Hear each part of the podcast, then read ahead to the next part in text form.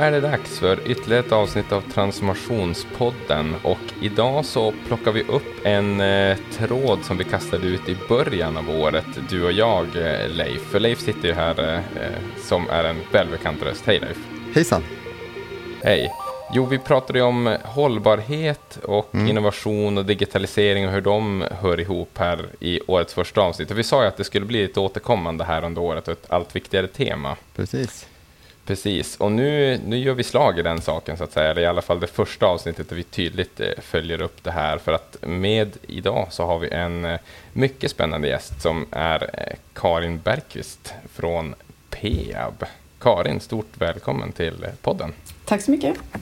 Nu har jag avslöjat att det ska handla om hållbarhet och du har ju någonting med hållbarhet att göra så att säga. Men du är ju hållbarhetsstrateg, är väl din titel, eller ja, du, du, får, du får ta det här själv och berätta lite grann om vad du gör på Peab, vem du är. Ja, men det stämmer. Hållbarhetsstrateg eh, är jag och jobbar inom den delen av Peab som kallas Peab Industri.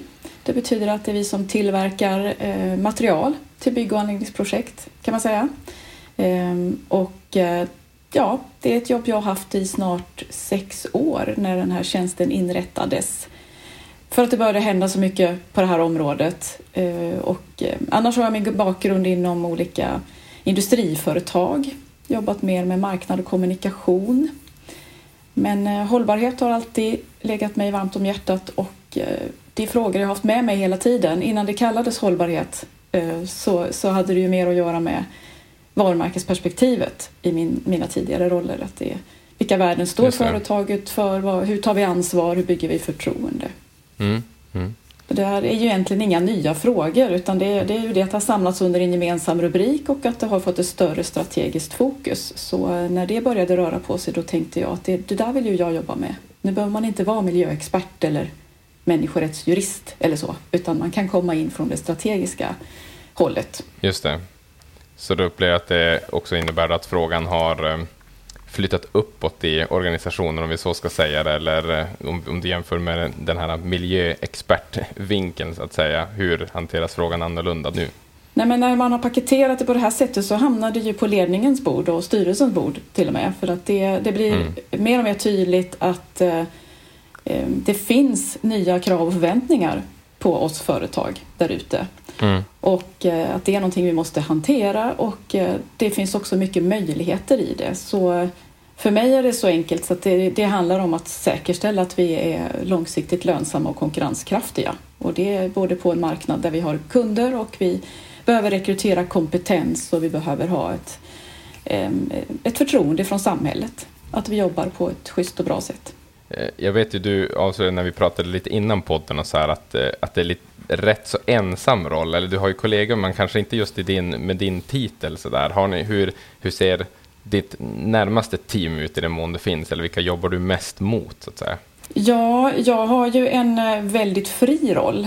Och det är ju lyxigt att ha en, en helt och hållet strategisk och fri roll, det vill säga jag, jag ser eh, var jag behövs bäst från stund till stund kan man säga. Att jag stöttar alla våra verksamheter eh, försöker att inspirera, engagera, utbilda och eh, utmana är väl också en roll jag har. Eh, utmana både ledningsgruppen i de här frågorna men också utmana de som driver verksamheten, som sköter produktionen, som eh, är experter inom olika områden. Så att jag, det jag kan göra är ju att lägga till ett eh, strategiskt perspektiv på det som, eh, som redan pågår i verksamheterna. Det är ju inte inne på mitt kontor som förändringen sker det tror jag alla är överens om i organisationen. Utan det är ju över, överallt annars kan man säga.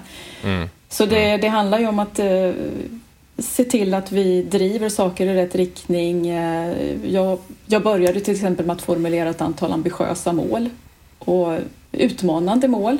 För man behöver göra det tydligt att det är stora omställningar vi står inför och det är också så att det skapar ett större engagemang om man har riktigt utmanande mål. För det här är frågor som alla tycker är viktiga. Ehm, och ehm, då, då blir det ju tydligt att vi kan hjälpas åt att gå i den riktningen och att vad som ska göras skiljer sig åt beroende på vilket arbete du har. Och jag ska kunna stötta oavsett var man finns i organisationen. Så jag lägger väl på ett lager kan man väl säga runt om det, det andra sysslar med och är med och både stöttar och driver på och eh, men det, det är ett tacksamt arbete för när jag, när jag kom in så var ju verkstaden i full gång. Det är ju, sto, det är ju stort engagemang i de här frågorna. Så det handlade om att eh, ta ut en strategisk riktning och, och göra den tydlig för då ökar ju kraften i alla de insatserna som görs. Vi säkerställer att vi mm. jobbar i rätt riktning och att företaget får, eh, får ut ett värde av arbetet. Det är som är innovation. Det är ju först när det mm. implementeras som det gör nytta och att man ser till att det finns utrymme att jobba med frågorna och eh, att inte alla ständigt drunknar i det dagliga och det operativa. Där hamnar man ju lätt. Någon måste se till att det är inte bara jag, men det ingår i min roll att se till att vi också håller det där helhetsperspektivet och den här långsiktigheten som vi pratar om i de här frågorna. Mm, mm. Hur känner du att förankringen är, eller rättare sagt att kanske på något sätt hur väl bottnar om, om man kanske tittar bredare än, än bara Peab, om man tittar på liksom branschen i stort, känns det som att, att folk förstår vad det är för typ av omställning som, som det kommer att vara kommande ja, tio åren minst, men det kommer att vara en mycket längre förändring än så såklart för att klara klimatomställningen. Men, men hur väl tycker du folk är, är med, vad är medvetenheten så att säga? Ja, men medvetenheten är stor i vad som behöver göras. Eh, jag tror att det vi underskattar är hur stora omställningar vi faktiskt pratar om. Mm. Jag tror att många går och eh, med bilden av och kanske lite i hemlighet förhoppningen om att det ändå inte är så stor skillnad. Nej. Men där försöker jag driva på och eh, lyfta det här med att det är, det är väldigt stora, det är transformation vi pratar om, mm. som är namnet på er podd. Det är, mm. Vi har eh, alltid jobbat med att skruva och trimma och ständiga förbättringar och allt vad det kallas och det ska vi såklart göra. Eh, det är det som tar oss framåt dag för dag så att säga. Mm. Men vi måste också ha det här eh, långsiktiga perspektivet. Vi sätter ju mål nu om var vi ska vara om 30 år. Det har vi ju aldrig gjort tidigare. Mm och vi pratar om kommande generationer och, och, vårt ansvar för att de, de ska ha ett bra liv och ett, ett um, väl fungerande um, samhälle.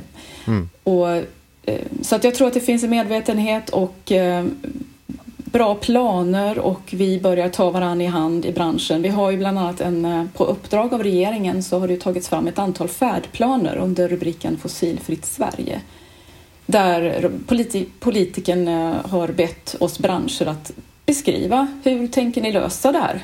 Mm. Och eh, det vi gör då är ju att vi, vi går samman alla i hela kedjan. Har vi materialtillverkare, entreprenörer, vi har eh, myndigheter, kommuner, fastighetsägare, universitet, ja, alla som är inblandade på olika sätt och som mm. behöver samverka för att vi ska lösa detta. Eh, vi, vi säger där att vi, vi ska bli klimatneutrala till 2045. Vi behöver samverka, vi behöver bygga upp kunskap, vi behöver kanske en ny typ av ledarskap i det här. Men politikerna som skickade den här uppgiften till oss har ju också fått en lista tillbaka kan man säga i den här färdplanen mm. på, på vad de behöver bidra med, med eh, regelverk som behöver öppna upp för nya lösningar och offentlig upphandling inte minst där det pumpas in massor med pengar. Inte minst mm. till bygg och anläggningsprojekt. Det, det ska ju vara motorn för omställning mm. och en plattform kanske för att testa innovation och så. Så att eh, vi har åtagit oss att göra saker tillsammans men vi behöver också eh, vi behöver göra det allihop och vi behöver också ha politiken, politiken med oss. Hur ser dynamiken ut där just nu tycker du? Är det är det liksom politiken som, som leder den här vågen eller är det snarare näringslivet som, som ligger lite före just nu? Eller hur, vad, hur ser det ut i, i er värld? Näringslivet ligger före, ja. skulle jag säga utan tvekan idag. Och det tycker jag man börjar höra på nyhetsinslag eh, när det gäller tillståndsprocesser och annat. Att det, ja. det är en broms idag på många sätt i den hållbara omställningen. Och det betyder inte att vi inte ska ha respekt för, för miljömyndigheter och alla de här sakerna som behöver säkerställas. Men vi behöver få upp tempot och vi behöver få en, en förutsägbarhet för att vi företag vill investera. Vi vill göra mm. den här omställningen. Och um, då behöver vi ha en förutsägbar miljö runt omkring oss så vi vågar investera. Eh, så där, och det hör jag fler och fler från politiken och även från myndigheter som idag konstaterar det att ja, men idag är det vi som släpar efter. Eh, och så har det ju inte varit historiskt. Då har vi behövt den blåslampan på oss för att börja rena våra utsläpp och, och mm. vad det nu kan vara från industrier. Men, men det har vänt idag. För nu ser vi vilka enorma möjligheter det finns i mm. hållbarhetsfrågorna. Det är affärsmöjligheter, det är ett sätt att säkerställa som sagt konkurrenskraften på marknaden. Det är också ett sätt att säkerställa vår kompetensförsörjning framåt. Vi, mm. vi finns ju inte som bransch och företag hos ungdomarna om inte vi visar att vi, vi jobbar med hållbarhet, vi jobbar med innovation, vi är moderna, vi tar ansvar.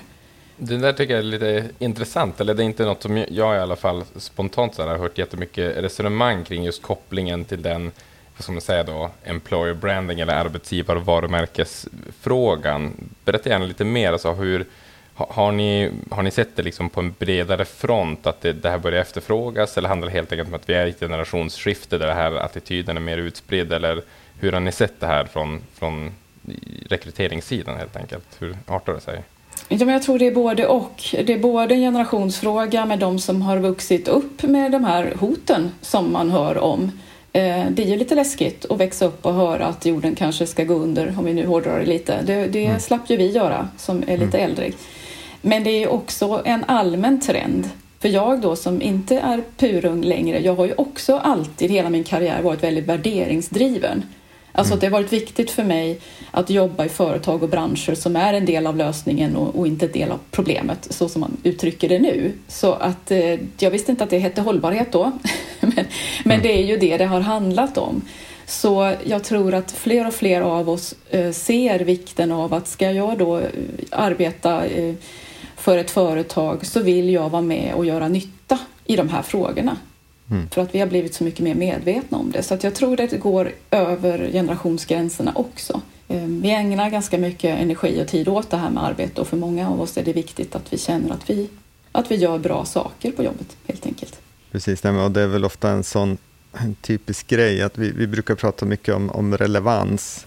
Eh, att man, men, om, man, om man ser på något sätt vart, vart världen är på väg och vad det blir mer och mer av, så om man hela tiden försöker ställa sig på den sidan som det blir mer och mer av, så kommer man ju att vara mer relevant. Och det är ju såklart väldigt mycket så här, många bäckar små. Eh, det är ju inte bara när det gäller en sak, men, men ser man till att vara så relevant man kan och sätta upp sig i strategierna så att man blir ännu mer relevant, man är på den sidan, så, så blir ju allting sånt mycket enklare med rekrytering, med kunder, med projekt, med finansiering. Man blir liksom mer attraktiv för alla parter, alla stakeholders som, som behövs för att ens verksamhet ska funka. Så det är ju ja, det, det, är ett sätt att, att tänka kring det, just relevansbiten. Och där har vi en viktig sak som händer nu som jag siade om för några år sedan och som nu börjar hända på riktigt och det är att vi har intressenterna ifrån finansmarknaden. De som ska investera, de som ska låna ut pengar till investeringar. Där är hållbarhetsfrågorna otroligt närvarande idag. Det kommer taxonomin från EU och så vidare. Men det, mm. det har ju rört på sig här även i Sverige och i övriga eh, världen där stora pensionsfonder till exempel börjar flytta enorma belopp ifrån fossila branscher till exempel mm. till förnybara. Och det, det, är en stor rörelse av pengar som sker redan. Och mm. när pengar börjar styras i en viss riktning, då händer det ju saker. Och gärna för mig. Man kan ha vilken drivkraft som, man, som helst idag, man hamnar ändå i de här frågorna. Mm. För, för, för finansmarknaden handlar det ju om att det att man vill eh, hantera risker och det mm. är en risk idag om ett företag eller en hel bransch inte är med i den här omställningen. Mm. Det, ska man investera för tillväxt och avkastning, vilket man såklart vill göra, då är det ju framtidens lösningar man ska investera i, inte gårdagens. Och mm. Har ett företag inte koll på sitt ansvarstagande och sin anpassningsförmåga både att eh, se hinder och risker som finns och att ta affärsmöjligheterna som dyker upp. Så att man har en marknad framåt. Mm. Och kompetensförsörjningen som är väldigt kritisk för oss och för många andra branscher. Du är inte med om inte du jobbar med de här frågorna och visar det. Så eh, där är det, money talks säger de och det är ju verkligen sant nu. Här har vi en mm. stark drivkraft. Och den, du nämnde ju då tidigare lite grann här att eh, ja, men, politiken, eller ska vi säga då lagstiftning, regelstyrning, policyer, att det, det har blivit så lite att rollen har skiftat där, så att det är något av en bromskloss. Vilka andra då eh, hinder är det du stöter på? Det, eller är det, om det inte vore för politiken så var det bara autostrada rakt fram. Jag misstänker att det inte riktigt kanske är bilden, utan i den här rollen som du har, vilka andra så att säga, ja, men det du stöter på som, som gör att det inte kanske håller alltid den takt som man önskar eller som skulle kunna göra att det accelererar ännu fortare? Ja, det är ju att vi har en vardag från dag till dag att hantera till att börja med. Det är ju väldigt lätt att hamna i den dagliga problemlösningen. Eh, mm. såklart eh, tar fokus från de här frågorna och det är klart att vi måste lösa de dagliga eh, utmaningarna. Det är ju inget snack om det. Men det är lätt att, att lägga för mycket tid på det och glömma att vi också behöver jobba med den här långsiktigheten. Sen är vi ju alla människor och det är, vi av naturen skapade så att det här med förändring är lite jobbigt. Det som man känner till är tryggt och bra, tar mindre energi och så vidare. Så det är klart att man i ett förändringsarbete alltid har den utmaningen. Mm. Mm. Sen har vi också en marknad som måste vara med på tåget och ställa krav och öppna upp för nya lösningar eh, och inte minst värdera nya lösningar. För det kräver eh, investeringar, det kan innebära högre kostnader initialt och inte minst en offentlig upphandling som idag har väldigt stort fokus på lägsta pris och ja, i vår mm. bransch är det väldigt mycket det här med pris och tid. Det är det mm. som är kritiskt och som man jagar hela tiden i alla projekt. Och det driver ju inte utveckling. Det gör ju inte att man vågar testa nya lösningar för att man behöver kanske mer tid på att ja, pröva ut och hitta rätt till det och lite eh, innovationsplattformar så att säga. Mm. Mm, mm. Så där tror jag också att det, det är lite vår fiende idag, det som har varit mycket av vårt fokus och som har drivit en viss typ av utveckling hos oss såklart.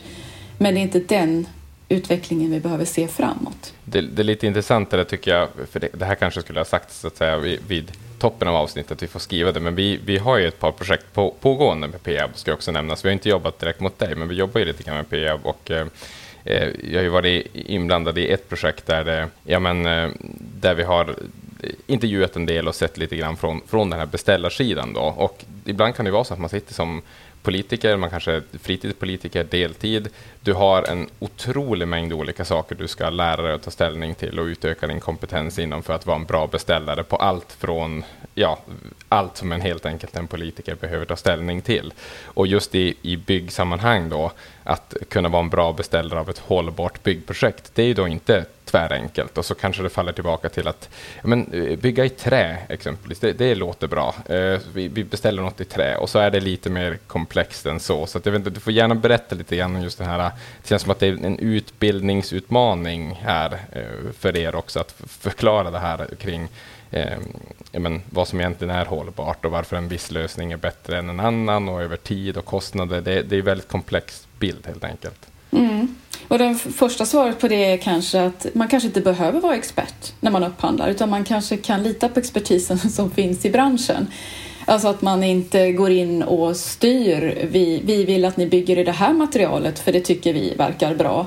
Utan att man ställer snarare, vi vill bygga med minimerad klimatpåverkan. Ja, mm. men då behöver vi kanske lite mer tid för planering och projektering och för att hitta de bästa lösningarna.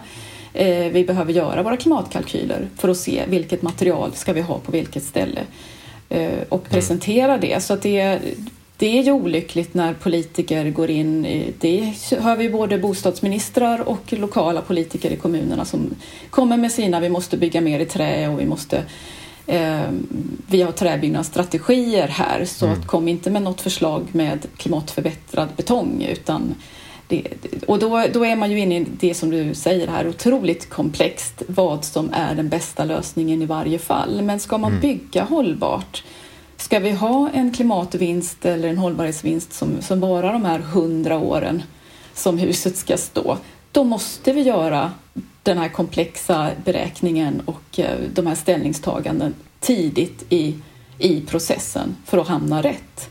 Mm. Eh, och då kan man inte förenkla utan man får ha respekt för att det är komplext. Eh, man kan vilja bygga i trä för att det är, man tycker det är snyggt eller för att man har någon sorts träbyggnadshistorik eh, i kommunen, alltså att man är typiskt en trästad. Det kan vara en massa känslomässiga argument som jag köper helt och hållet. Man kan ha en preferens. Och Peab som koncern bygger ju såklart i alla material utifrån vad kunden föredrar och utifrån vad som är bäst i varje fall.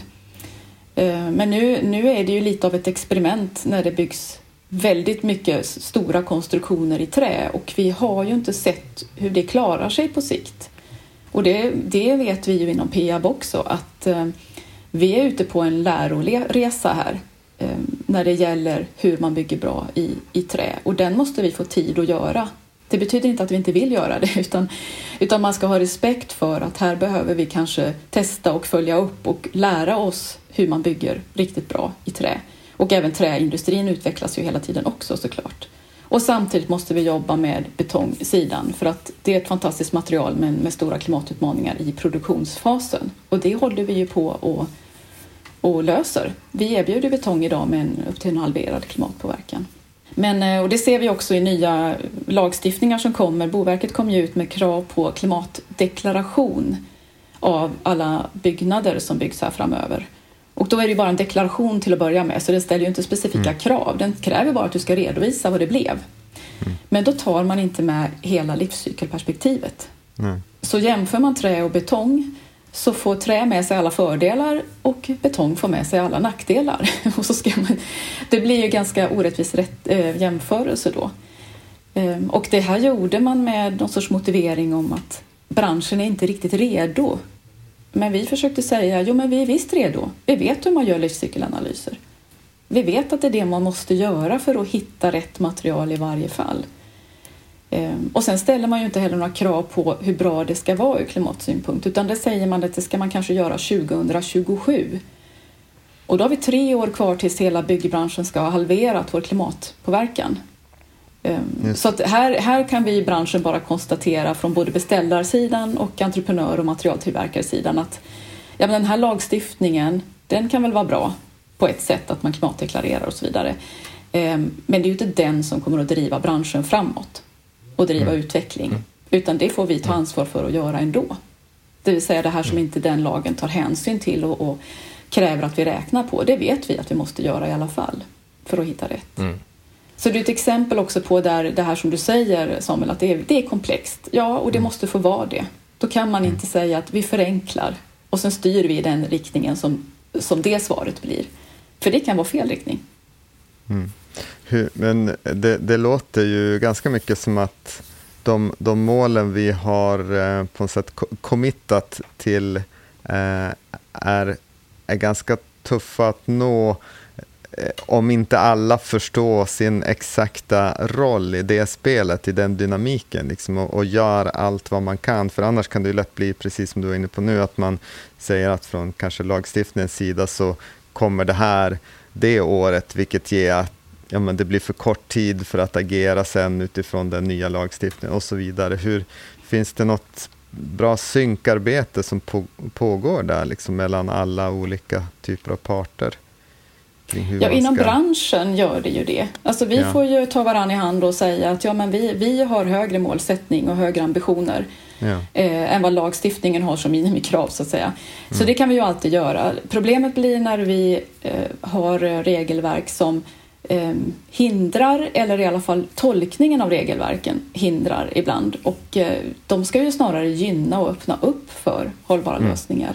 Mm. Inte, inte stå i vägen eller, eller hämma som det i alla fall är. För att ibland är det så att det är, läser man regelverken ordentligt så, så hindrar de egentligen inte men hur de tolkas och används traditionellt mm. um, så, så är det ändå något som hämmar. Och där, där har ju Sverige en... Vi vill ju gärna vara bäst inom miljö. Och det, det är väl en jättefin ambition men det har ju fått till följd att vi i vissa fall överimplementerar var ett ord jag hörde för någon vecka sedan. Väldigt bra ord. Mm. Mm. Vi överimplementerar mm. EU-lagstiftningen. Vi vill ha ännu tuffare eh, avfallslagstiftning exempelvis. Då. Vi sätter EU en maxhalt eh, på ett visst ämne på 10, ja men då ska vi i Sverige ha 5 som max för att vi ska vara bättre. Och det, det som händer är ju att vi snarare blir sämst i klassen för vi gör det så svårt att uppnå det här som är syftet med lagen för att vi, vi sätter ännu tuffare regleringar. Så då, då hamnar vi längst ner istället därför att vi kan inte bli cirkulära exempelvis med de mm. kraven på, på haltnivåer på återvunna material som vi står med här. Då måste man ju våga öppna upp och tänka att det är om, om det duger i EU så kanske det duger också i Sverige och mm. att det är det bästa står i vägen för det som är gott nog, brukar man säga. Det, det mm. ser vi mycket idag. Och Tittar man exempelvis på stenmaterial som vi jobbar med, vi har ju både utvinning och återvinning av, av stenmaterial och där ligger Sverige på en återvinningsgrad på 2 procent. Det vill säga vi bryter nytt och vi deponerar i andra änden om man nu förenklar det lite. Och ja. i Europa finns det flera länder som ligger på 20-25 procent och har okay. målsättning att nå ännu längre. Och det är ju för, det finns ju en viss förklaring i att vi har haft gott om bergmaterial så vi kan bryta eh, hur mycket som helst. Men det, det kan andra länder som också ligger högt mm. i, i den här ligan. Men eh, nu har vi ju lärt oss att vi, vi kanske inte behöver plocka ut alla naturresurser vi har utan vi, mm. vi i ett cirkulärt samhälle så... Exakt! Och vi, vi borde använda det som redan är i, i omlopp där ute. Mm. Eh, men en del av den förklaringen är att vi i Sverige har en avfallslagstiftning där vi tolkar det så strikt så att det, det som en gång har kallats avfall därför att det uppstår som en, eh, något icke önskvärt i en process Eh, Eh, det kan ju ändå vara en jättefin resurs. Eh, men har det hamnat i avfallsklassningen då har vi väldigt svårt i Sverige att få det att, till att bli en, en, en produkt som vi kan använda hur mycket vi än visar att det är en säker produkt. Därför att man, man har den här strikta tolkningen. Eh, ofta är det så att det är, det är högre halter av olika ämnen i den omgivande naturliga marken än vad vi tillåts använda, ha då i ett, ett återvunnet material. Så här slår vi lite mm. knut på oss själva. I ambitionen att bli bäst så blir vi mm. nästan sämst i klassen. Och här har vi något sorts systemfel som eh, mm.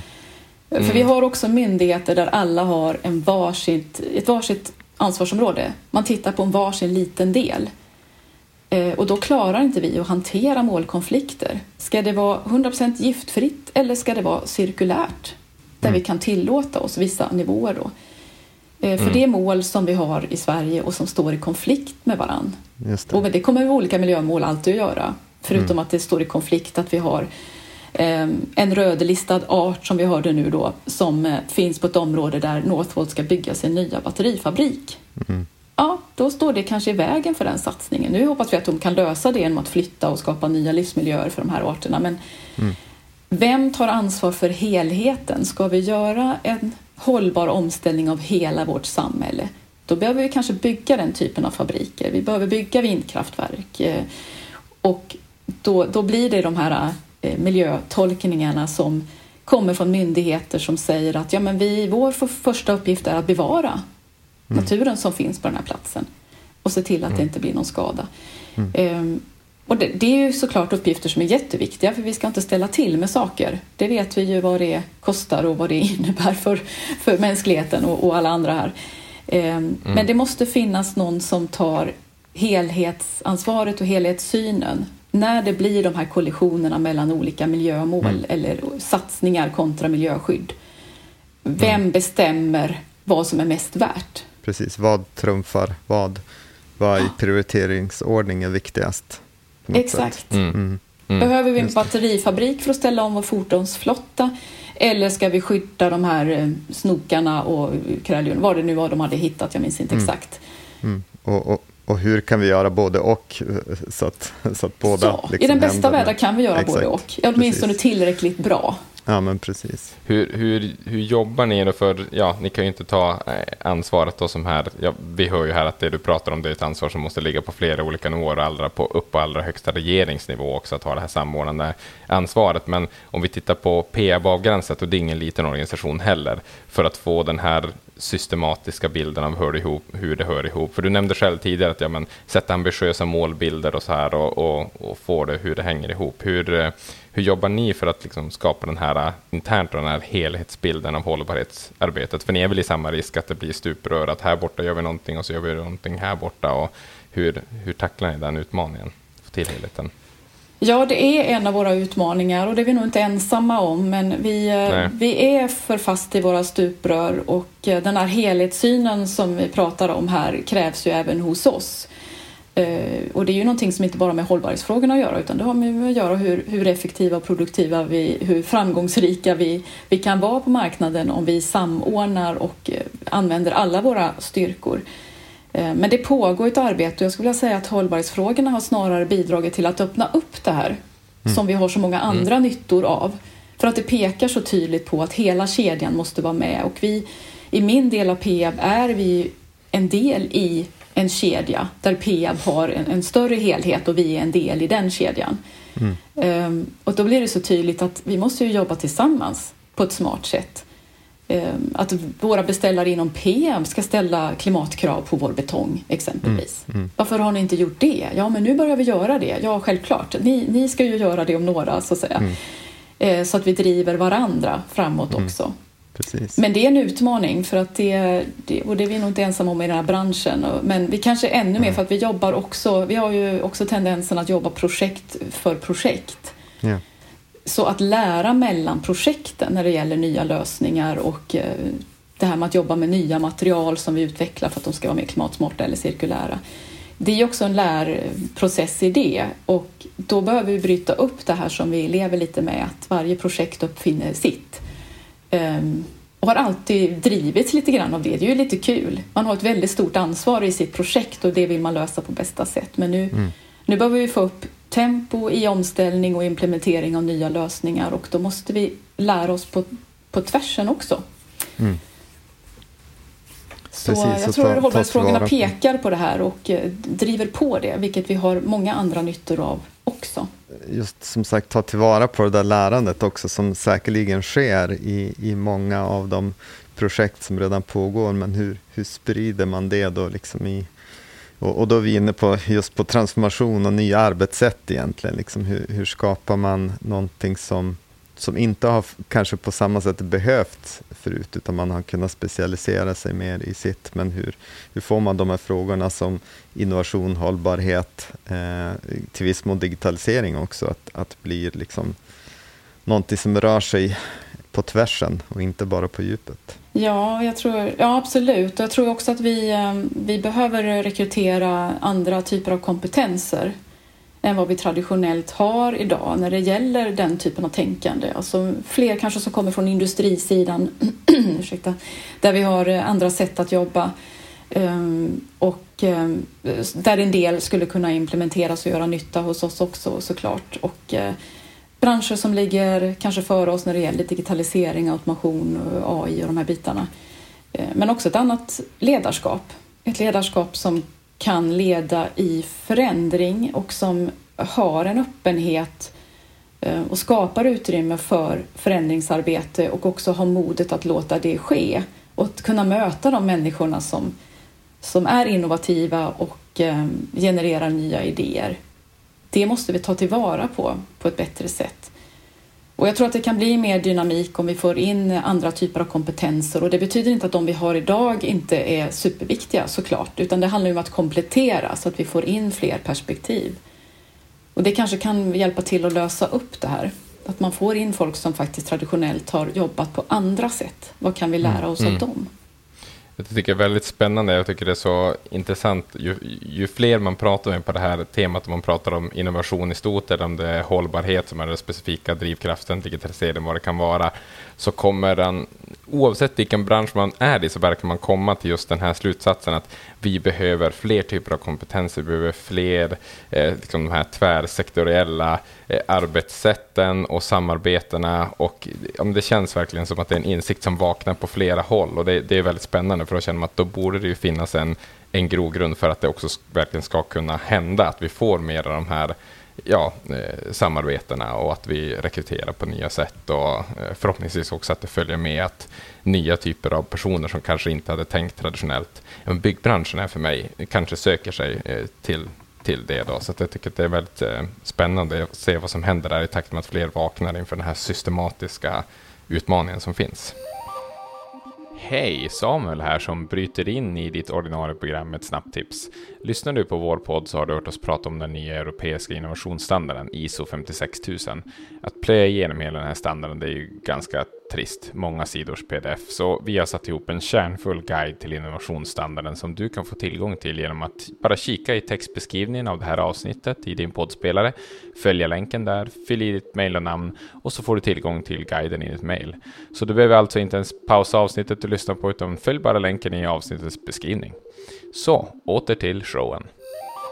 Och här har vi ju en styrka och möjlighet i att vi, vi kan vara en väldigt attraktiv bransch, eller vi är det för att vi, vi mm. bygger ju samhället som vi har runt omkring oss och, och där vi bor och, och, arbetar och går i skolan och där vi får vård om vi är sjuka och vägarna och broarna mm. vi kör på och så vidare. Det, så vill man vara med och verkligen driva hållbar omställning av samhället så är det ju mm. vår bransch man ska vara. Eh, och här ser vi ju direkt väldigt konkreta resultat eh, i det vi bygger och vi, vi är ju inblandade i allting som har en väldigt stor närvaro i allas mm. vardag.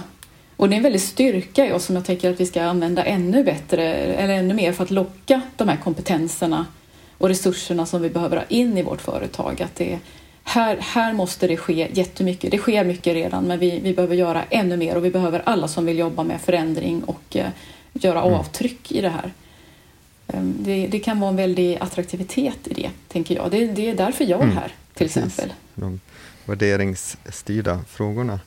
Eh, vad, ja. Jag tänker, hur, hur ser det ut med mycket av det vi beskriver här som, som liksom är är lite svårt då, när man jobbar i stuprör så har ju mycket att göra med den här vardagseffektiviteten. Det är ofta därför man är organiserad på ett så, sånt sätt att man liksom på något sätt har skjutit bort de saker som kanske inte är omedelbart viktiga på, och, och har en påverkan på, på ens vardag, utan man försöker ja, men, effektivisera sig till en, en så snabbrörlig del av organisationen som möjligt. Men när man då börjar bryta upp och jobba med de här framtidsfrågorna, som vi, vi jobbar mycket med en modell som heter treboxmodellen och de som har lyssnat på podden känner till den väldigt väl. Men, men box 1 är ju då vardagen, så att säga, vår nuvarande verksamhet och nuvarande affärsmodeller. Box 2 är, är vad vi kanske ska sluta göra och, och sluta tänka, så att säga, lämna bakom oss. Och box 3 är då framtidslådan. Och, och, skillnaden är ju alltid att när man bara jobbar med, med box 3, precis som du beskriver, så får man ofta de här målkonflikterna med att ja, man, man har kanske KPI och mätetal på sig som mäter hur effektiv och hur mycket pengar man tjänar och så vidare i sin låda 1. Eh, och att det är inte alltid helt alignat med att göra det här arbetet i box 3. Så att man det gäller ju alltid att tänka till väldigt mycket där, när man, dels hur får man med sig en, en bredd där, så att man kan liksom skapa någonting som inte bara blir en lite bättre variant av det man gör idag, utan som kanske blir snarare det här liksom syftesbaserade, hur i en sån här värld, hur blir vi så relevanta som möjligt utifrån nya perspektiv och vad innebär det för oss?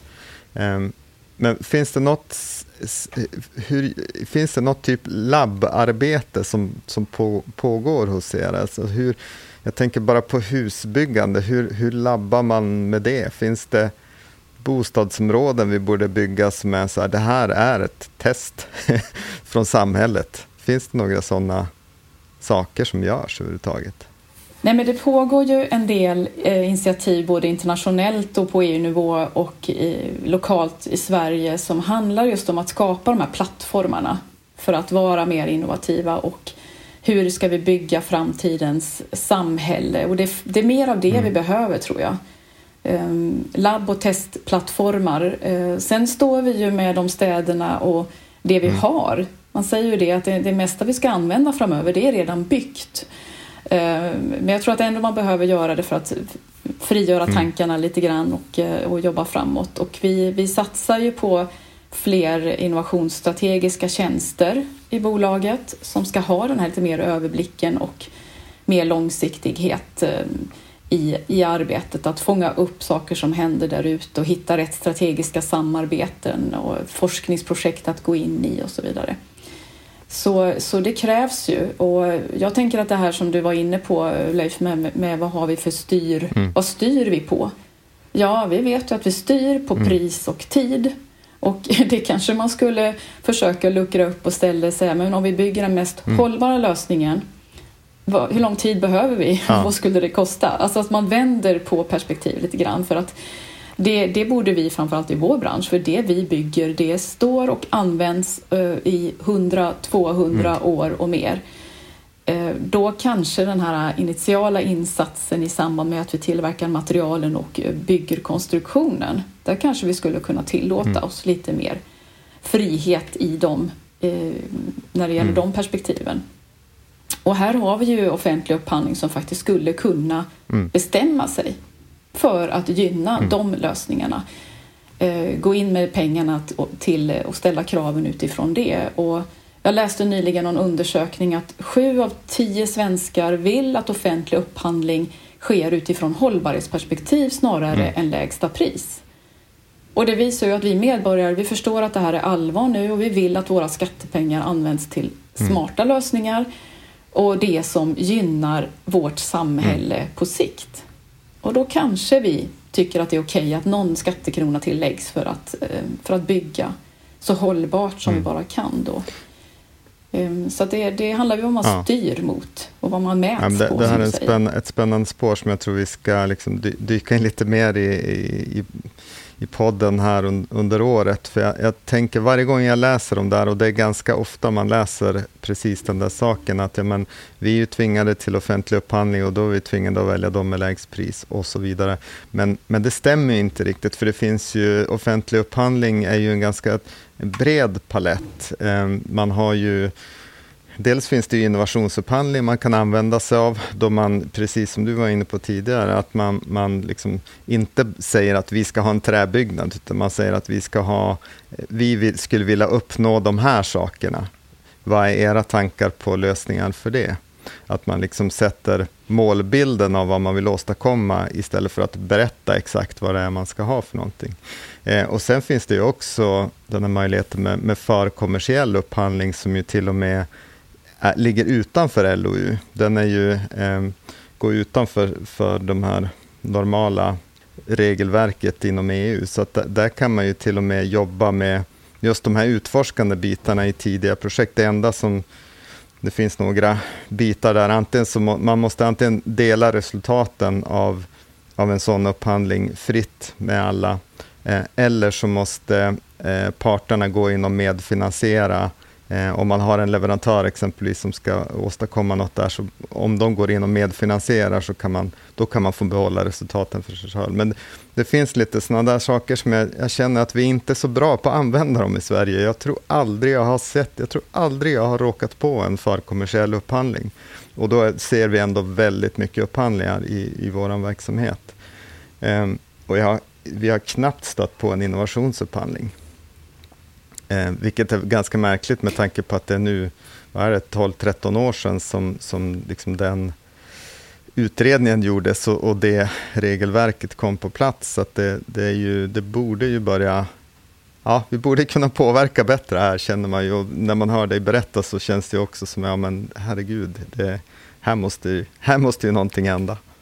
Ja, absolut. Jag håller med. Och politiken har möjlighet att styra. Och det finns ju länder, jag tänker Frankrike bland annat, är ju otroligt, de har otroligt modiga politiker där. De, de lagstiftar ju.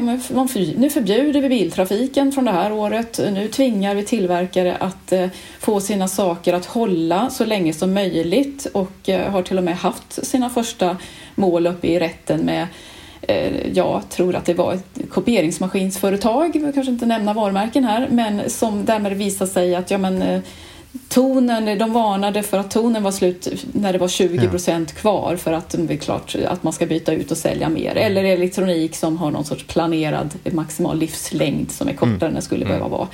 Då går man in och lagstiftar och säger det är förbjudet.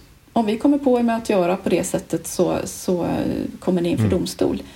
Så det, politiken har ju möjlighet verkligen att tvinga mm. fram förändringar. Förbjud det som är dåligt och gynna det som är bra. Mm. Eh, så man blir lite glad när det finns den typen av modiga beslut ute i Europa och eh, eh, om man jämför dem med Sverige där man säger att vi vågar inte riktigt ställa krav på livscykelanalyser i det här för att det är så komplicerat. Vi tror inte branschen är redo. Ja, men vi mm. som är redo, vi, vi måste väl få, få jobba med mm. detta och, och konkurrera mm. med det här. Eh, och sen kan man sätta ett tidsperspektiv istället som gör att ja, men om vi nu ska, inte ska utestänga för många så, så får man ha någon sorts övergångsperioder. Men ställ kraven för att vi måste lära oss att jobba på rätt sätt. Och vi måste få med oss alla. Och offentlig upphandling, inte ens den som, som man pratar om eh, handlar bara Nej. om lägsta pris, gör Nej. ju egentligen det om man läser regelverken Nej. ordentligt. Mm. Utan det är, det är så det har blivit. Och det visar sig också att det, det är ganska dysfunktionellt därför att det finns alltid sätt att mm. komma runt det där.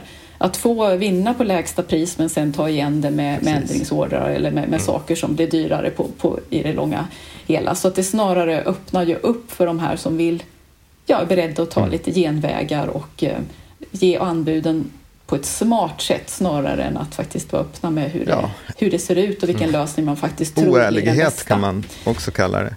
Det, det, det, ja, men det, det, är ju så. Det. Det, det, kan man ju enkelt, ja. om man läser vilken lokaltidning som helst, så, så kan man nog se att det pågår ett antal sådana byggprojekt, upphandlingar, där, där man inte alls följer de, de, regelverk som vi vill ha i Sverige och som, som vi är, på något sätt är en basnivå. Liksom. Eh, om, man, om man tittar på kanske då liksom social hållbarhet och sådana bitar så, så borde det vara uppenbart att det här, det här stämmer varken med liksom våra eh, regler runt hur, hur säkert arbete ska ske eller hur, hur vi behandlar människor eller sådana saker. Så det, är ju, det öppnar upp för mycket fusk också när man, när man gör de här, liksom, det lägsta pris, race to the bottom. Det, det finns ju egentligen ingen bransch någonsin i historien där det har varit positivt ingen vinner på detta.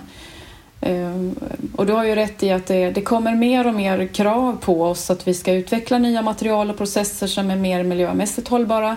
Vi ska ha de sociala mm. hållbarhetsfrågorna med oss med, med, säkerhet som du säger och bra lönevillkor och allt det här. Och samtidigt så har vi den här uh, prispressen som det ändå blir då i, i, som, i nedåtgående riktning. Och det säger sig ju självt att om man ska göra saker så billigt och så snabbt som möjligt då, då blir det kanske inte utrymme för det här som vi behöver rätta till i vår bransch och där vi behöver mm. bli bättre.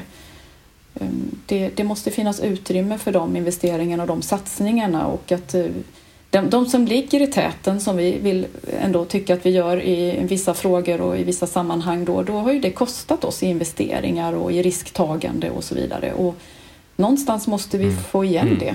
Precis. Ett sätt som, eh, eller sättet man ofta brukar jobba på oavsett eh, bransch, men det är ju ändå att på något sätt börja, eh, inte att försöka förändra hela låda ett, så att säga, hela den nuvarande verksamheten, utan att försöka göra liksom små avgränsade skyddade aktiviteter som inte, inte blir så farliga, varken för liksom kanske kunder, medborgare eller den egna organisationen. Det, det, blir liksom någorlunda ofarligt. Eh, och jag vet också att du, du har, ju, har ju också en innovationsledarutbildning. Eh, hur, hur, hur ser du att man... Hur skulle man kunna göra mer sånt arbete utifrån hållbar, hållbarhetsperspektivet? Att, att kanske skapa lite mer så här ändå väldigt fram, framåtsyftande projekt, men som kan, kanske ändå inte blir så, liksom, upplevs så hotande eller farliga. Nej, som inte stökar till det så mycket. Ja, precis. ja, eh, nej men det stämmer. Vi, jag har gått en innovationsledarutbildning och vi har också ett strategiskt eh, innovationspartnerskap med RISE. Och eh, det har vi nyttjat bland annat till att att eh, göra ett, eh, ett projekt under ett år där vi bildade ett innovationsråd dit medarbetare som var intresserade av de här frågorna fick söka. Och eh, under ett års tid så fick de då ehm, utbildning i innovationsprocesser. Hur jobbar man med innovation? Och också då grupparbeta kring olika konkreta lösningar som de fick välja själva och bara för att, för att sätta det i, i ett sammanhang och testa lite grann. Och eh, vi använder RISE också för deras eh, expertis. De har ju forskare och experter inom alla möjliga områden, inte minst betong och stenmaterial och sånt som vi håller på med då. Men det här är ju någonting som har um, satt fokus mer på innovationsfrågorna för att det, hållbarhet driver innovation mm. idag. Det är väldigt tydligt och hållbarhet mm. kräver ju innovation. Och sen måste man då hitta balansen i det här, att det vardagliga eh, de brukar prata om att det är, det är ständiga förbättringar och det är det vardagliga i 70 procent och 20 procent är, är eh, innovation som ligger lite mer i det dagliga och 10 procent är de totalt inkrementella mm. eller disruptiva eh, lösningarna som man tittar på. Och så ska man kanske fördela tiden också. Eh, men vi tenderar ju att lägga 100 procent på, på det dagliga och det har vi inte Nej. tid med. Utan det gäller ju att skapa det här eh, utrymmet för de som är intresserade och är drivna i de här frågorna och har idéer. Låt dem ha, få en viss tid att jobba med det. För det behöver inte vara specifika tjänster som min tjänst till exempel, utan är man expert inom ett område eller jobbar med en viss typ av produktion, då har man ju en massa idéer kring det. Då gäller det att frigöra tillräckligt mycket tid för att den personen ska kunna eh, ägna viss tid åt att att också jobba med de här långsiktiga innovationerna och hitta samverkan inom och utanför eh, företaget och till och med med andra branscher och så vidare. Att plocka in det så att man, så att man får mer, mer verktyg i sin låda och öppnar upp sina tankar. Mm. Och, ehm, det är ju en satsning som vi hoppas ska fortsätta i, inom ramen för det här innovationspartnerskapet, att vi har dem också att hålla i handen. För de kan väldigt mycket av det vi håller på med dagligen i vår verksamhet och förstår de bitarna. Plus att de har då den här kompetensen i hur driver man ett innovationsarbete?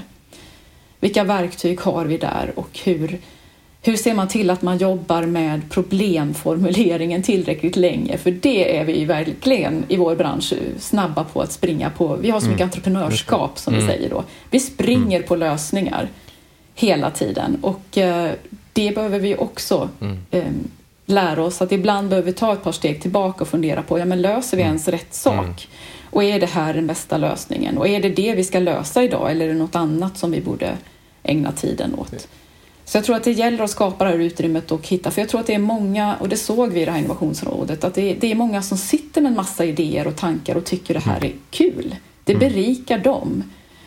Uh, och de blev ju ambassadörer tillbaka in i sina verksamheter ehm, och vet, jag vet att de använder det i sitt arbete, mycket av de här tipsen och verktygen och tänkesätten mm. som de fick med sig mm.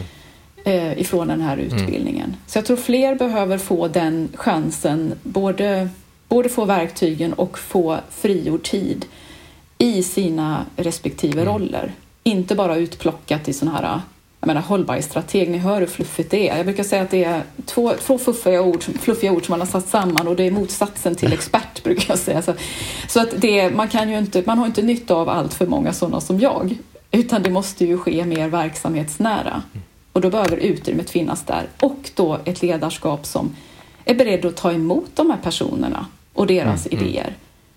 Um, så att man inte bara möts av det här, ja men det kommer aldrig att funka och vi har inte tid och vi har inte råd och vi har inte det, det, funkar väl bra som det gör eller mm. vad det nu kan handla om. Precis, en land, landningsbana för... En, kultur, mm. en kulturresa. Mm. Och hur, för jag tycker under avsnittet här nu så har vi ju pratat en del och fått exempel från dig på innovation inom branschen. Det är klart, det är, det är lätt hänt och det är också kanske de enklaste exemplen att prata om materialvalen och de här aspekterna, alltså det här teknikdrivna, det vi, det vi kan ta på så att säga. Och det är ju en, en bild av innovation som vi väldigt ofta möter, inte minst i de här entreprenöriella, ingenjörsdrivna branscherna, att eh, det blir ganska mycket likhetstecken teknik och innovation. Eh, men de andra aspekterna av det, du har nämnt lite med arbetssätt, att få in nya tankesätt och sen har vi digitala lösningar, alltså hur mycket hur mycket har ni börjat titta på just den biten av innovation? Att lägga på andra lager än det som är kopplat kanske direkt till själva byggandet, så att säga. Hur, hur, eh, hur jobbar ni där? Ja, digitalisering är ju något som, som vi, vi är väl kanske inte superdigitaliserade i vår bransch, men det sker ju. Vi jobbar med VR och, och eh, MR heter det va? Mm. Eller, eh, AR kanske? Ja, Nej, MR också, mixed reality. Mm. Precis, ja, man kan exakt. nästan sätta vilken bokstav som helst före R. Ja, men exakt. Mm. Ja, men precis. Före R, ja. Det R som står för reality, så precis. har vi den med oss i alla fall.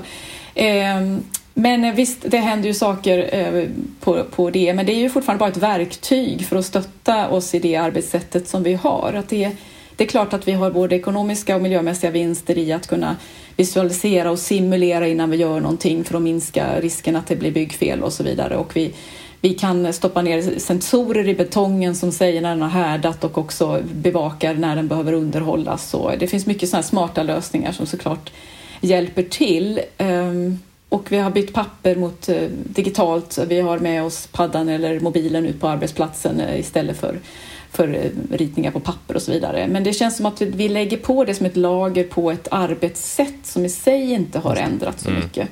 Så där tror jag att vi får beredda på att det, det krävs mm. den här transformationen vi pratar om. Att eh, inte bara hitta smartare sätt att göra det vi gör idag utan vi kanske måste hitta andra mm. saker att göra också. Eh, lite mer omvälvande förändringar tror jag behövs. Och, eh, eh, jag brukar faktiskt visa en bild. Det kanske inte gör sig så bra i en podd att beskriva det. Men jag hittade ett, ja det är väl någon sorts pergament som är avbildat då, en illustration från murarskrået. En murare som står med, med murslev bakom en mur och symboliserar murarskrået och det står årtalet 1487. Och den snappade jag upp till någon föreläsning jag skulle ha för jag hittade jag sen motsvarande bild på en dagens murare som råkar stå i exakt, exakt samma vinkel bakom en likadan tegelvägg och med mm. murarsleven. Den enda skillnaden var att huvudbonaden hade bytts ut, alltså från någon sorts luva till en hjälm. I övrigt mm. allting lika. Och då sa jag att det här, så här, det här har hänt på 530 år i vårt sätt att bygga. Men så ser det idag också ut så här och så plockar jag fram en bild på robot mm. som murar.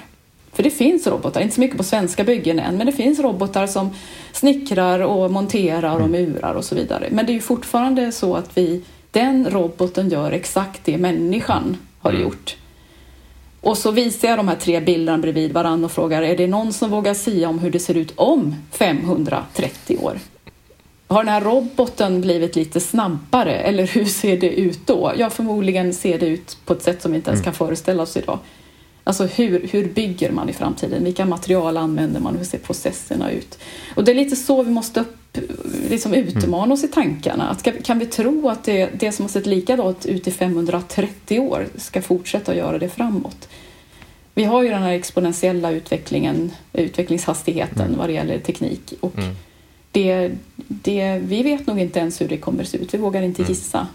Jag brukar säga det att det är en yrkesgrupp som är hotad framöver, det är kanske science fiction-författare för att det kommer att vara så fantastiska grejer som kommer fram och det kommer att gå så snabbt så att det blir svårt att, att skapa de här framtidsvisionerna som känns riktigt coola och spännande och annorlunda. Precis, ja, det blir ja, AI som ersätter science fiction-författarna. Exakt, ja, men vi har ju redan AI som både skriver böcker och skriver, Precis. komponerar musik. Mm. Um, så vi, där är vi mm. redan.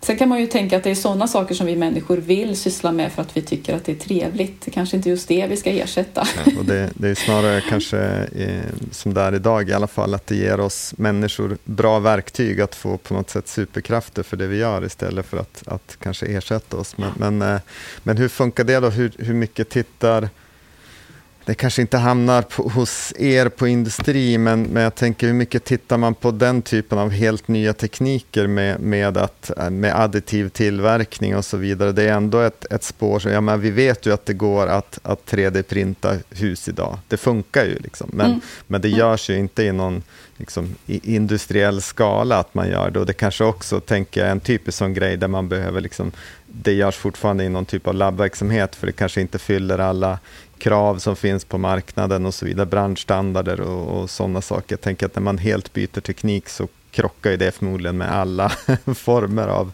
liksom, regelverk och så vidare. Men, men hur tittar ni på, tittar ja. ni på sådana saker? Ja, men det gör vi. Vi omvärldsbevakar och eh, ser vad som händer och jag tror att det vi ändå tenderar att underskatta det här. För som du säger att ja, men idag kan man bara 3D-printa i betong i jättesmå hus. Eh, det kanske passar på vissa ställen men vi kan ju inte bygga våra Nej. typer av konstruktioner. Nej, Nej mm, idag, mm, säger jag då. Så att det här är ju bara början på någonting som, som pågår. Och det, det blir lätt att säga att det inte kommer att kunna ersätta det vi, mm. det vi gör. Men jag tror att vi behöver vara mer, eh, inte bara vakna på, som, på vad som händer, för det börjar vi bli, men vi har lite för lätt fortfarande, och det är väl en mänsklig egenskap, att vi har lite för lätt att avfärda det som att Eh, det gjorde ju Facit och Kodak och de här mm. berömda mm. exemplen också. Att det gick ju inte att föreställa sig på Facit att en mekanikingenjör inte var det, det som verkligen hade lösningen på allting. Och så kom elektroniken och nu jobbar mekanikingenjörerna någon mm. annanstans. De jobbar inte med beräkningsfrågor utan det har tagits över av andra yrkesgrupper. Det är det där som är så svårt med, med innovation och just det här varför man behöver separera de här låda 1 och låda 3 och tänka annorlunda i dem. För det är ju det där är ju det, det klassiska, det man kallar innovators dilemma, att ställer man samma krav på, på framtidslådan som man gör på nutidslådan så kommer nutidslådan alltid att vinna, för det är där affärerna, pengarna, volymen, människorna, det är ju där det finns. Den finns ju aldrig i framtidslådan. Vi har ju ingen data om framtiden, så där är det just det att vi måste ställa upp de här hypoteserna och jobba utforskande vilket gör att det, det, här ställer ju stora krav på ledarskapet. Det är därför man måste få, få upp liksom hållbarhet och innovation i, i den allra högsta, gärna styrelsen. Liksom, för att det, det kommer ju att kräva att man, man också sätter, okej, okay, det här är våra, liksom, för låda ett har vi de här målen vi ska nå, men för låda tre så behöver vi liksom skapa någonting där vi kanske har mer Ja, det finns ju, eh, finns ju böcker om hur man sätter mål, eh, Johan Frisammar som jag har haft som gäst här bland annat, men hur man målsätter innovationsarbete. Och det, det är ju ett väldigt annorlunda sätt att, att sätta, det är inte samma KPI som, som gör oss framgångsrika i låda 1 som gör oss framgångsrika i låda 3. Så att det, det är ju, eh, men det här är ju någonting som, som vi ser ändå börja, åtminstone liksom medvetenheten om att, att det är så börjar, börjar öka i alla fall, även om vi kanske inte ser jättemånga exempel att man säger ja men nu är det löst, nu, vi har löst det här, utan det är fortfarande en, det kommer nog alltid att vara en, lite grann att täcket är för kort. Liksom. Man vill gärna dra det åt, åt något håll eh, istället för att ha det på mitten på något sätt och hitta balansen. Men, men eh, har, har ni kikat någonting på just de här ISO-standarden runt innovation och det här systematiska sättet att få in det som ett, ett ledningssystem för innovation på samma sätt som man ofta har då ett ledningssystem för kvalitet? Är det någonting som ni, ni har börjat mm. snegla mot eller hur ser det ut? Ja, absolut. Um, för vi, jag tror ju på det här, för det gäller både hållbarhetsarbetet och innovationsarbetet, det här som är så mm. långsiktigt, att man behöver ändå skapa en en mm. systematik i det och eh, ISO-standarderna är väl alldeles utmärkta eh, som stöd för det, som någon sorts checklista för att man får, får det på plats som man behöver för det. Alltså strukturerna mm. i organisationen och forumen och, och sätten att kravställa innovation på något vis ändå. Att hålla det öppet men sen ändå se till att det det idéer följs upp och tas om hand och att man vågar ta bort saker som inte känns mm. som rätt satsning och satsa på det man behöver satsa på och skapa det här utrymmet i organisationen. Så jag tycker absolut att man kan ha en ISO-standard och, och hänga upp det på. Vi har, vi har tittat på, på den och vi har en innovationsstrateg som, som ansvarar för att ta fram de processerna och eh, det ledningssystemet. Så att det, det har ju hjälpt oss i många andra fall så för att strukturera mm. upp ett arbete och eh, säkerställa att det tas om hand och att det också mm. skapar värde för det måste Precis. det ju också göra. Det är definitionen av innovation, något, något nytt som skapar värde så att det måste implementeras och måste hjälpa oss så att det inte blir bara massa galna, coola, mm. kreativa idéer utan att det, det också någonstans mm. finns en nytta. Mm. Hur, hur, ehm. hur, när du ser omkring i, i din verklighet, hur, hur ser du att medvetenheten kring innovation är kring vad det faktiskt betyder. För du har ju en, en klockren definition av vad det är och eftersom du är utbildad innovationsledare. Men, men jag tänker att det vi ser är att många blandar ihop exempelvis uppfinningar, R&D och innovation. Alltså på något sätt kan man eh, av någon jag ska inte säga märklig anledning, men av någon slags kulturell och historisk anledning så har man, är det kanske mindre problem att satsa pengar på R&D som kanske på många sätt är, är, mycket mer osäkert än vad innovation är. För att innovation är mycket närmare så att säga, marknadssidan, någonting som ska implementeras och hända och göra skillnad på, på, ofta på relativt kort sikt, åtminstone på ett par års sikt. Medan R&D kan ju ganska ofta handla om ja, men, nya material, alltså tekniker, patent, saker som kanske är liksom marknadsmässiga om, om det kan ju vara årtionden fram. Um, men, men att det kan vara lite svårt att få den där balansen, vilket gör att det, det vi ser är att många, eh, många tycker inte att de borde jobba med innovation för att de tror att det är R&D så att säga. Alltså de tänker att vi har inte råd att ha en, en avdelning med forskare som ska titta 30 år framåt. Vi måste göra liksom, affärer i år. Ehm, när, men när man då förklarar där just att innovation är ju, är ju att implementera någonting nytt som är nytt för er organisation. Det kan ju också vara nytt för världen, eh, vilket är mer det R&D försöker framkalla. Eh, men det är ju precis som du är inne på, det är ju sällan om man säger att det är precis så 70 procent är det som är förbättringar och kanske 20 procent är nytt för oss och kanske 10 procent är liksom även nytt för världen. Eller förmodligen är det inte så, det är förmodligen 1 procent som är nytt för världen. men, men hur, finns det, finns det medvetenhet kring de här sakerna? För det är inte alltid så, så himla lätt att, att liksom peka på de skillnaderna, tänker jag. Nej, och det är ju till och med begrepp som, som man eh, kan vara lite mm. orolig för eller som mm. kan väcka känslan av att ja, men vi, vi håller inte på mm. med innovation.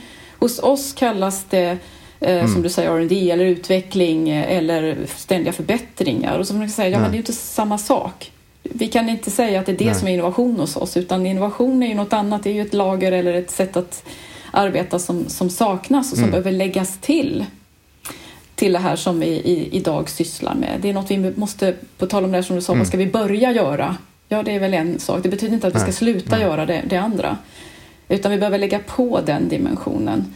Och det är som du säger att innovation är på ett helt annat sätt eh, inte bara ingenjörer som tycker det är kul och, och, och och sen frågar sig om det är någon som precis. efterfrågar den här funktionen mm. överhuvudtaget som jag har, tyckt, har lekt fram här i labbet. Utan man utgår från ett, ett behov som verksamheten har eller marknaden har eller som, som vi, vi vill mm. försöka att fylla och att ägna mer tid och att, att ringa in mm. behovet, vad det faktiskt består mm. av eller problemet. Det är ju det som också är en skillnad, att man måste hålla sig kvar i den delen och det är det som brukar vara lite jobbigt mm. då när man gärna vill komma på lösningarna med en mm. gång. Eh, och då är risken att man löser någonting som inte behövde lösas eller man, man, ja. man hamnar fel där. Men så att jag tror att det är, det är både en begreppsförvirring och en liten oro att det låter för stort och det låter som något vi inte... Det, vi vi mm. kallar det något annat. Men att då inse att ja, men det vi kallar något annat det är också ett, mm. något annat. Mm. det, det, det, här är inte något som ersätter utan som ska komplettera. Mm. Eh, men eh, vi har ju en ledning som har eh, i våra mm. bolag som jag jobbar inom då i den delen av Peab som, som faktiskt har varit framåt i de här tankarna. Um, ibland kan man tänka att de funderar på om det är be careful what you wish for på något vis. För att det, då får man ju också de här sakerna i knät och man får mm. förväntningar på att nu vill vi jobba med de här frågorna om innovation för att det är många som tycker att det är kul och det känns viktigt och mm. nödvändigt och så vidare. Ehm, men det här att vi har det där partner Eh, med RISE. Eh, det är ju inte självklart för eh, oss som är ett företag som tillverkar betong. Exempelvis. Det, det är ju inte så uppenbart att vi, att vi skulle gå in i något sånt. Så det är ju ändå eh, vaket av ledningen att gå in i det här och se att ja, men det här är något som vi behöver titta på. Sen behöver man den här mentala resan för att se ja, men vad ska vi faktiskt ha det till och att det kanske kräver saker av oss som organisation och av mig som ledare um, att öppna upp och, och, som jag sa innan att ta hand om det där som kommer ut av det mm. också. Mm. Um, för det, det, annars så får vi ju ingen mm. nytta av det. det. Om det blir någon liten lekstuga som, som folk som är kreativa får sitta och latcha lite i och sen så ja. Mm. Precis, mm, ja. då är vi inne på den här ja, den nidbilden av innovation snarare då som kan, som kan eh, dyka ja. upp, så det vill vi ju absolut undvika. Men du, jag tänker innan vi börjar knyta ihop säcken här och så, nu nämnde jag ju då det här som ett eh, vad ska man säga, eh, ja, men resultatgivande samarbete som är nyttigt och så. Och eh, jag vet ju att ni också har mer också börjat utforska det här med att ja, men samarbeta på lite oväntade, spännande sätt. Så där. Har du något eh, intressant sånt exempel på hur Peab har sträckt ut handen och just de här tvärsektoriella samarbetena som har gett frukt? Eller kanske något samarbete som du ser framför dig, oh, det här önskar jag att vi fick till något, eller så där som du får, får drömma lite så att säga. Vad, vad ser du framför dig för att eh, tackla den här systematiska utmaningen?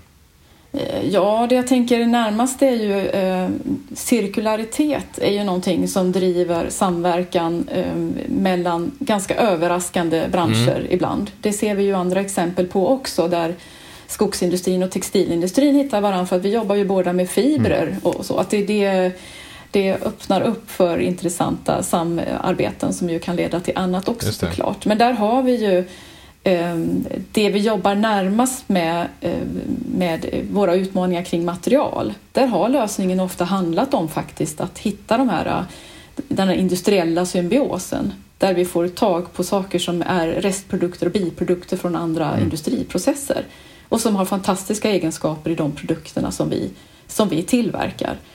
Och, och, som dessutom löser en cirkulär fråga eller eh, i betongens exempel så är det ju en klimatfråga också det, det, man får ner klimatpåverkan ifrån. Så det här med att söka sig utåt, det kan betyda den typen av lösningar mm. också. Ja, men eh, det ni får, får, behöver bli av med det är en resurs in till oss och en värdeskapande resurs och man får de här dubbelvinning för båda blir mer cirkulära och det, det är någonting som vi, eh, vi eftersträvar såklart. Så det är det jag tänker på närmast att det vi hittar sätt att få in cirkulära material från, från andra industrier, stålindustri exempelvis, som vi inte kanske har, har sett framför oss tidigare och att um, det ger alla, det löser inte bara hållbarhetsfrågorna eh, utan det blir en bättre produkt. Ja, det är också hållbarhet mm. såklart, att den håller mm. ännu längre och blir ännu tekniskt sett bättre. Mm. Så det har ju de här samarbetena lärt oss att man ska ju inte behöva kompromissa och det visar sig att det behöver man inte heller. Du får en miljömässigt och en, en kvalitetsmässigt bättre produkt. Mm. Och det är ju rätt så häftigt och jag tänker att det, det visar på samarbeten som vi, vi vill ha på alla nivåer såklart, eh, för här hamnade vi ändå i materiallådan, men att det här att det blir den här mm, dubbla mm, vinningen. Mm. Ja och att man inte alltid ens kan, kan se alla vinster man kan få ut av mm. det. Så att det ser jag fram emot mer, att hitta helt andra branscher att samarbeta med. För jag tror att vi behöver få input från hur andra arbetar och vi har ju saker att erbjuda från, från vår sida mm. också. Mm. För jag tror att det eh, vi i byggbranschen tänker nog lite, vi är lite för trygga i den här rollen, men vi kommer alltid att behöva bygga saker. Och det är ju vi som gör det. Ja, men det kanske finns andra som hittar en smartare affär och process runt omkring byggandet. Mm. Och det ser vi ju redan IT och techbolag till exempel som köper upp hela kedjan och tar, tar in affären och gör mm. den mer lönsam för att man hittar smartare sätt att jobba i kedjan med sin teknik. Och sen blir vi händerna och fötterna mm. i slutänden som med låga marginal ska utföra själva mm. byggarbetet. Så där tror jag att vi har någonting att se upp med. Det, vi, vi, det är ju ingen stor trend där ute men det finns exempel där det händer. Därför att det finns IT och techbolag som har smarta system och det här med digitalisering mm. som ni pratar om. De ser att det finns saker som inte riktigt funkar mm. i byggbranschen men det finns mm. pengar att mm. tjäna. Vi kan lösa det smartare och helt plötsligt så blir vi underleverantörer till eh, IBM mm. eller Precis som Volvo kan bli en underleverantör till Google därför att de ska ju bara producera de där bilarna mm. medan Google står för användarupplevelsen Precis. i de självkörande mm. fordonen. Så att det, det tror jag att vi behöver vakna mm. för att, och plocka in så att inte vi um, det där värdeskapandet och själva affären löses bättre av någon annan och vi blir bara mm. utförare. Du, Karin, du, jag, jag kommer att tänka på det nu när du säger det där. Du sa en intressant sak tidigare där att att må många av de hus som vi behöver är ju redan byggda. Många av de fastigheter vi behöver är ju redan byggda. Bara det borde väl vara en ganska fascinerande liksom, utgångspunkt för innovation. Tänk om det är så att vi, vi, har, vi har byggt det mesta redan. Hur ska vi liksom kunna tjäna pengar på, på det andra, så att säga, på att fortsätta utnyttja och förlänga livet på det som finns och, och kanske på något sätt skapa en, ja, men en större cirkularitet genom det. Då. Det borde vara ett, ett spännande perspektiv mm. att utforska för, för, en byggbransch, tänker jag. Mm. Nej, men det har du helt rätt i och jag tror att vi, vi lever lite grann med den här too big to fail eller eh, att, att vi, vi har en sån grundläggande, ett grundläggande bidrag in i samhället idag som mm. alltid kommer att behövas. Men jag är inte så himla säker på det, precis som du säger. Det, det kan vara andra typer av lösningar och tankar och idéer och värdeskapanden som är det som framtidens mm. samhälle behöver. Och eh, vi kan absolut, vi är ju såklart lämpade att mm. ta oss an det. med den kompetensen och erfarenheten och, och så vi har med de engagerade medarbetarna. Men då behöver vi vara vakna på vad det, vad det kommer att mm. innebära mm. för oss. Vad är det för nya krav, förväntningar och möjligheter mm. vi ser i mm. det? Det är ju otroligt spännande och utmanande tankar. Mm. Um, okay. ja. Precis, man kan ju snegla lite grann på, jag tänker bara, jag kom precis på den här liksom parallellen till till mobility egentligen, där, där, man, där vi tidigare har tänkt att det alltid är en bil eller en buss i stort sett som ska ta oss någonstans inom en, en stad eller en, en ort, eh, region. Men där man ju numera ser att det allt mer går mot det här liksom väldigt splittrade med små elektriska fordon, oavsett om det är liksom med ett tak eller om det är sparkcyklar eller om det är cyklar eller vad, vad det då kan vara. Men att vi får liksom en, en uppsjö av olika eh, micromobility-lösningar som kommer att liksom tillfredsställa det här behovet som tidigare vi hade i stort sett bara en bil eller en buss som kunde göra åt oss. Ehm, så det kan ju, jag tänker utifrån, det vore lite häftigt utifrån också eh, bostäder att titta på liksom vad, vad finns det för micromobility-lösningar motsvarande det som skulle kunna vara bostäder istället för att vi har liksom, ja men det är ett hus eller en lägenhet det, det, är liksom ingenting annat. Men det kanske finns en uppsjö av andra typer av, av liksom bostadstyper som kan vara lämpliga i vissa liksom situationer eller delar av livet eller vad det då kan vara. Ja, och där är ju flexibilitet mm. och modularitet mm. och sådana saker, att man kan anpassa efter nya behov. Och så, det finns det absolut en trend bland ja. arkitekter idag, eh, där man då har chans, i de fall man har chans att tänka rätt från början, så ska mm. man ha med sig detta. Absolut. Mm. Man kanske behöver ha, flytta, kunna flytta hus och broar framöver eh, för, beroende på var folk mhm. vill bo och var, var man, man vill verka och vad man har för behov. Absolut. Och det, då är det en utmaning att vi har så många stora tunga strukturer på plats redan som vi mm. har att förhålla oss till.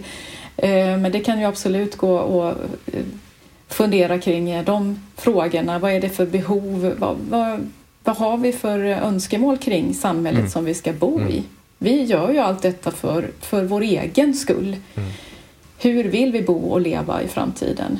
Um, och det är ju mycket diskussioner kring det, som sagt inte minst på arkitektsidan och uh, när hela, alla aktörerna går samman och, och, börjar jobba med det som du var inne på innan också mm. med testplattformar och så. Ja, men om vi skulle, och det gör ju Toyota till exempel de gör, bygger ju den här framtidsstaden där de börjar från scratch och tänker och de gör det på riktigt, alltså det, det, är inte bara en tanke de har utan de gör det nu. Samlar en massa forskare inom en mängd olika områden och säger, ställer de frågan, men om vi skulle bygga ett samhälle från scratch idag, här är en tom yta nere vid, vid foten av mm. berget Fuji. vi, vi ska börja från noll här. Hur bygger vi samhället då? Hur lever vi? Hur alstrar vi energi? Hur odlar vi vår mat? Hur, hur har vi löst vår mobilitet? Det är där mm. Toyota kommer in såklart som biltillverkare. De förstår att mobilitet är något annat än ett löpande band som spottar ut sig mm. likadana bilar som vi alla ska äga en varsin. Trots att de står 90 procent av tiden. Är det inte så? Är, det är ännu, mer. ja. ja, eh, och det är ju otroligt spännande. Och det är klart att vi inte kan börja från scratch överallt i världen. Eh, utan, men, men tänk alla de idéer och Eh, innovationer och så vidare som kan komma ut ur mm. ett sådant projekt. Med en mängd olika eh, aktörer som, som har olika roller att spela i, i vårt mm. samhälle. Mm. Hur skapar vi något som också är trevligt inte bara klimatsmart och cirkulärt och resilient och allt som man behöver nu, utan också trevligt mm. att bo i. Och som känns som det har funnits i tusentals år och inte byggt förra året kanske. Man vill ha den här känslan ja. av den här italienska landsbygden som har funnits för evigt. Eh, och, och, samtidigt ska det vara smarta lösningar. Liksom. Det, det, är ofta den eh, paradoxen mm. man kommer in Ja, det ja. Absolut. Paradoxer och målkonflikter ja. hela ja. vägen. Vi behöver bygga, bygga anrika att, byggnader. Ut, ja, Nej, men det är ett sätt att utmana ja. tanken och att hitta nya partnerskap som samlas i den här staden mm. ska bygga som inte hade träffat varandra annars mm. kanske. Men som nu börjar fundera på hur, hur ska vi lösa den här uppgiften på bästa sätt. Ja, det är verkligen, eh, ja, alla de här sakerna du nämner nu, de olika aspekterna, det känns verkligen vilken otrolig grogrund för innovation, just det här med att kunna göra något helt nytt med det, eh, med det befintliga. Just den typen av begränsning och problemställning är ju en perfekt ingång i en innovationsprocess och se hur kan vi liksom skapa nya värden där. Eller också den tanken att börja någonting helt från scratch. Hur skulle vi göra då att frigöra tanken på det sättet? Också en sån där som bara får, man tänker bara vilken innovation som skulle kunna frodas. Givet att alla de här hindrar, alla de här aspekterna också som du har varit inne på idag här också, eh, vad ska man säga, att man kommer till rätta med dem och eh, också bäddar för att allt det här ska bli möjligt inom den tid som vi har kvar för att också lösa de här utmaningarna. Det är ju det enkla, det är att ändra lite ord i dokument. Det tänker jag att det inte borde vara det som är, som är den största utmaningen för Nej, oss. Man kan, ju, man kan ju hoppas det i alla fall. Så att eh, politiker där ute, ändra lite ord i dokumenten, släpp lös Karin och hennes kollegor så att det kan bli gas på det här. Ja, Precis. Nej. Ja, men eh, du Karin, innan vi sticker iväg här och designar färdigt det framtida samhället så tror jag att vi ska börja knyta ihop säcken här. Eh, om man nu blir jättetaggad på det här och tänker gud, vi skulle säkert kunna komma in här på någonstans och liksom, vi vill ju samarbeta. Hur, eh, hur får man tag i dig? Ja, ni hittar mina kontaktuppgifter på eh, hemsidan för Sverok och Peab Asfalt. Eller kontakta Peab AB. Det finns fler som jag där, som är sugna på samarbeten. Härligt. Ja, och det känns som sagt inte som att vi saknar trådar som har kastats ut här till såväl de som jobbar med upphandling som de som eh, sitter på en gammal byggnad och tänker vad ska jag göra med den här egentligen? Så. Ja, jag sätter mig i telefonväkteriet här, var som man sa, och, och väntar på inflödet av samtal. Precis, och vi, vi, kan väl gärna utmana er lite grann som lyssnar av podden. Vi, vi vet ju att vi har många stadsdirektörer och vi har många som sitter med upphandlingar och så vidare som lyssnar på podden. Så hör gärna av er om ni tycker att vi sitter och, och säger en massa saker som ni inte känner igen er i eller om ni har liksom exempel på, ja men så här tacklar vi det hos oss, så, så hör av er med, med, eh, med den kunskapen så tar vi, tar vi gärna upp det och, och vidareutvecklar de trådarna. Goda exempel finns det massor, mm. det vet jag. Jag kanske har eh, varit lite snål med dem idag. Men det kan ni ha som, som framtida eh, teman, Exakt. absolut. För det finns många sådana. Precis, nej men absolut. Vi har, eh, det har öppnats upp många nya trådar som vi börjar föl behöver följa upp och inte minst just kring upphandling och sådana saker, vilket vi redan har lite i kulisserna funderat på att djupdyka här i podden så att vi får fler perspektiv på den här utmaningen som som sagt är systematisk och verkligen kräver att eh, alla parter är med, förstår sin del och eh, gör sin del så att säga. Och nu har vi fått höra hur eh, er bild av det här är och din roll Karin, så det har varit superspännande. Stort tack för att du var med här i Transformationspodden idag. Tack så mycket, jätteroligt att samtala med er om detta. Ja men det var verkligen jättekul och jättekul att du är här också Leif. Vi hör ju dig här säkerligen snart i framtiden igen också i podden. Säkert. Och stort tack till alla som lyssnade. Hör av er, tyck till, dela vidare avsnittet och så kommer vi att återkomma med eh, fler intressanta aspekter av innovation och definitivt av kombinationen innovation och hållbarhet. Men där sätter vi punkt för idag. Tack så mycket. Hej då. Hej då.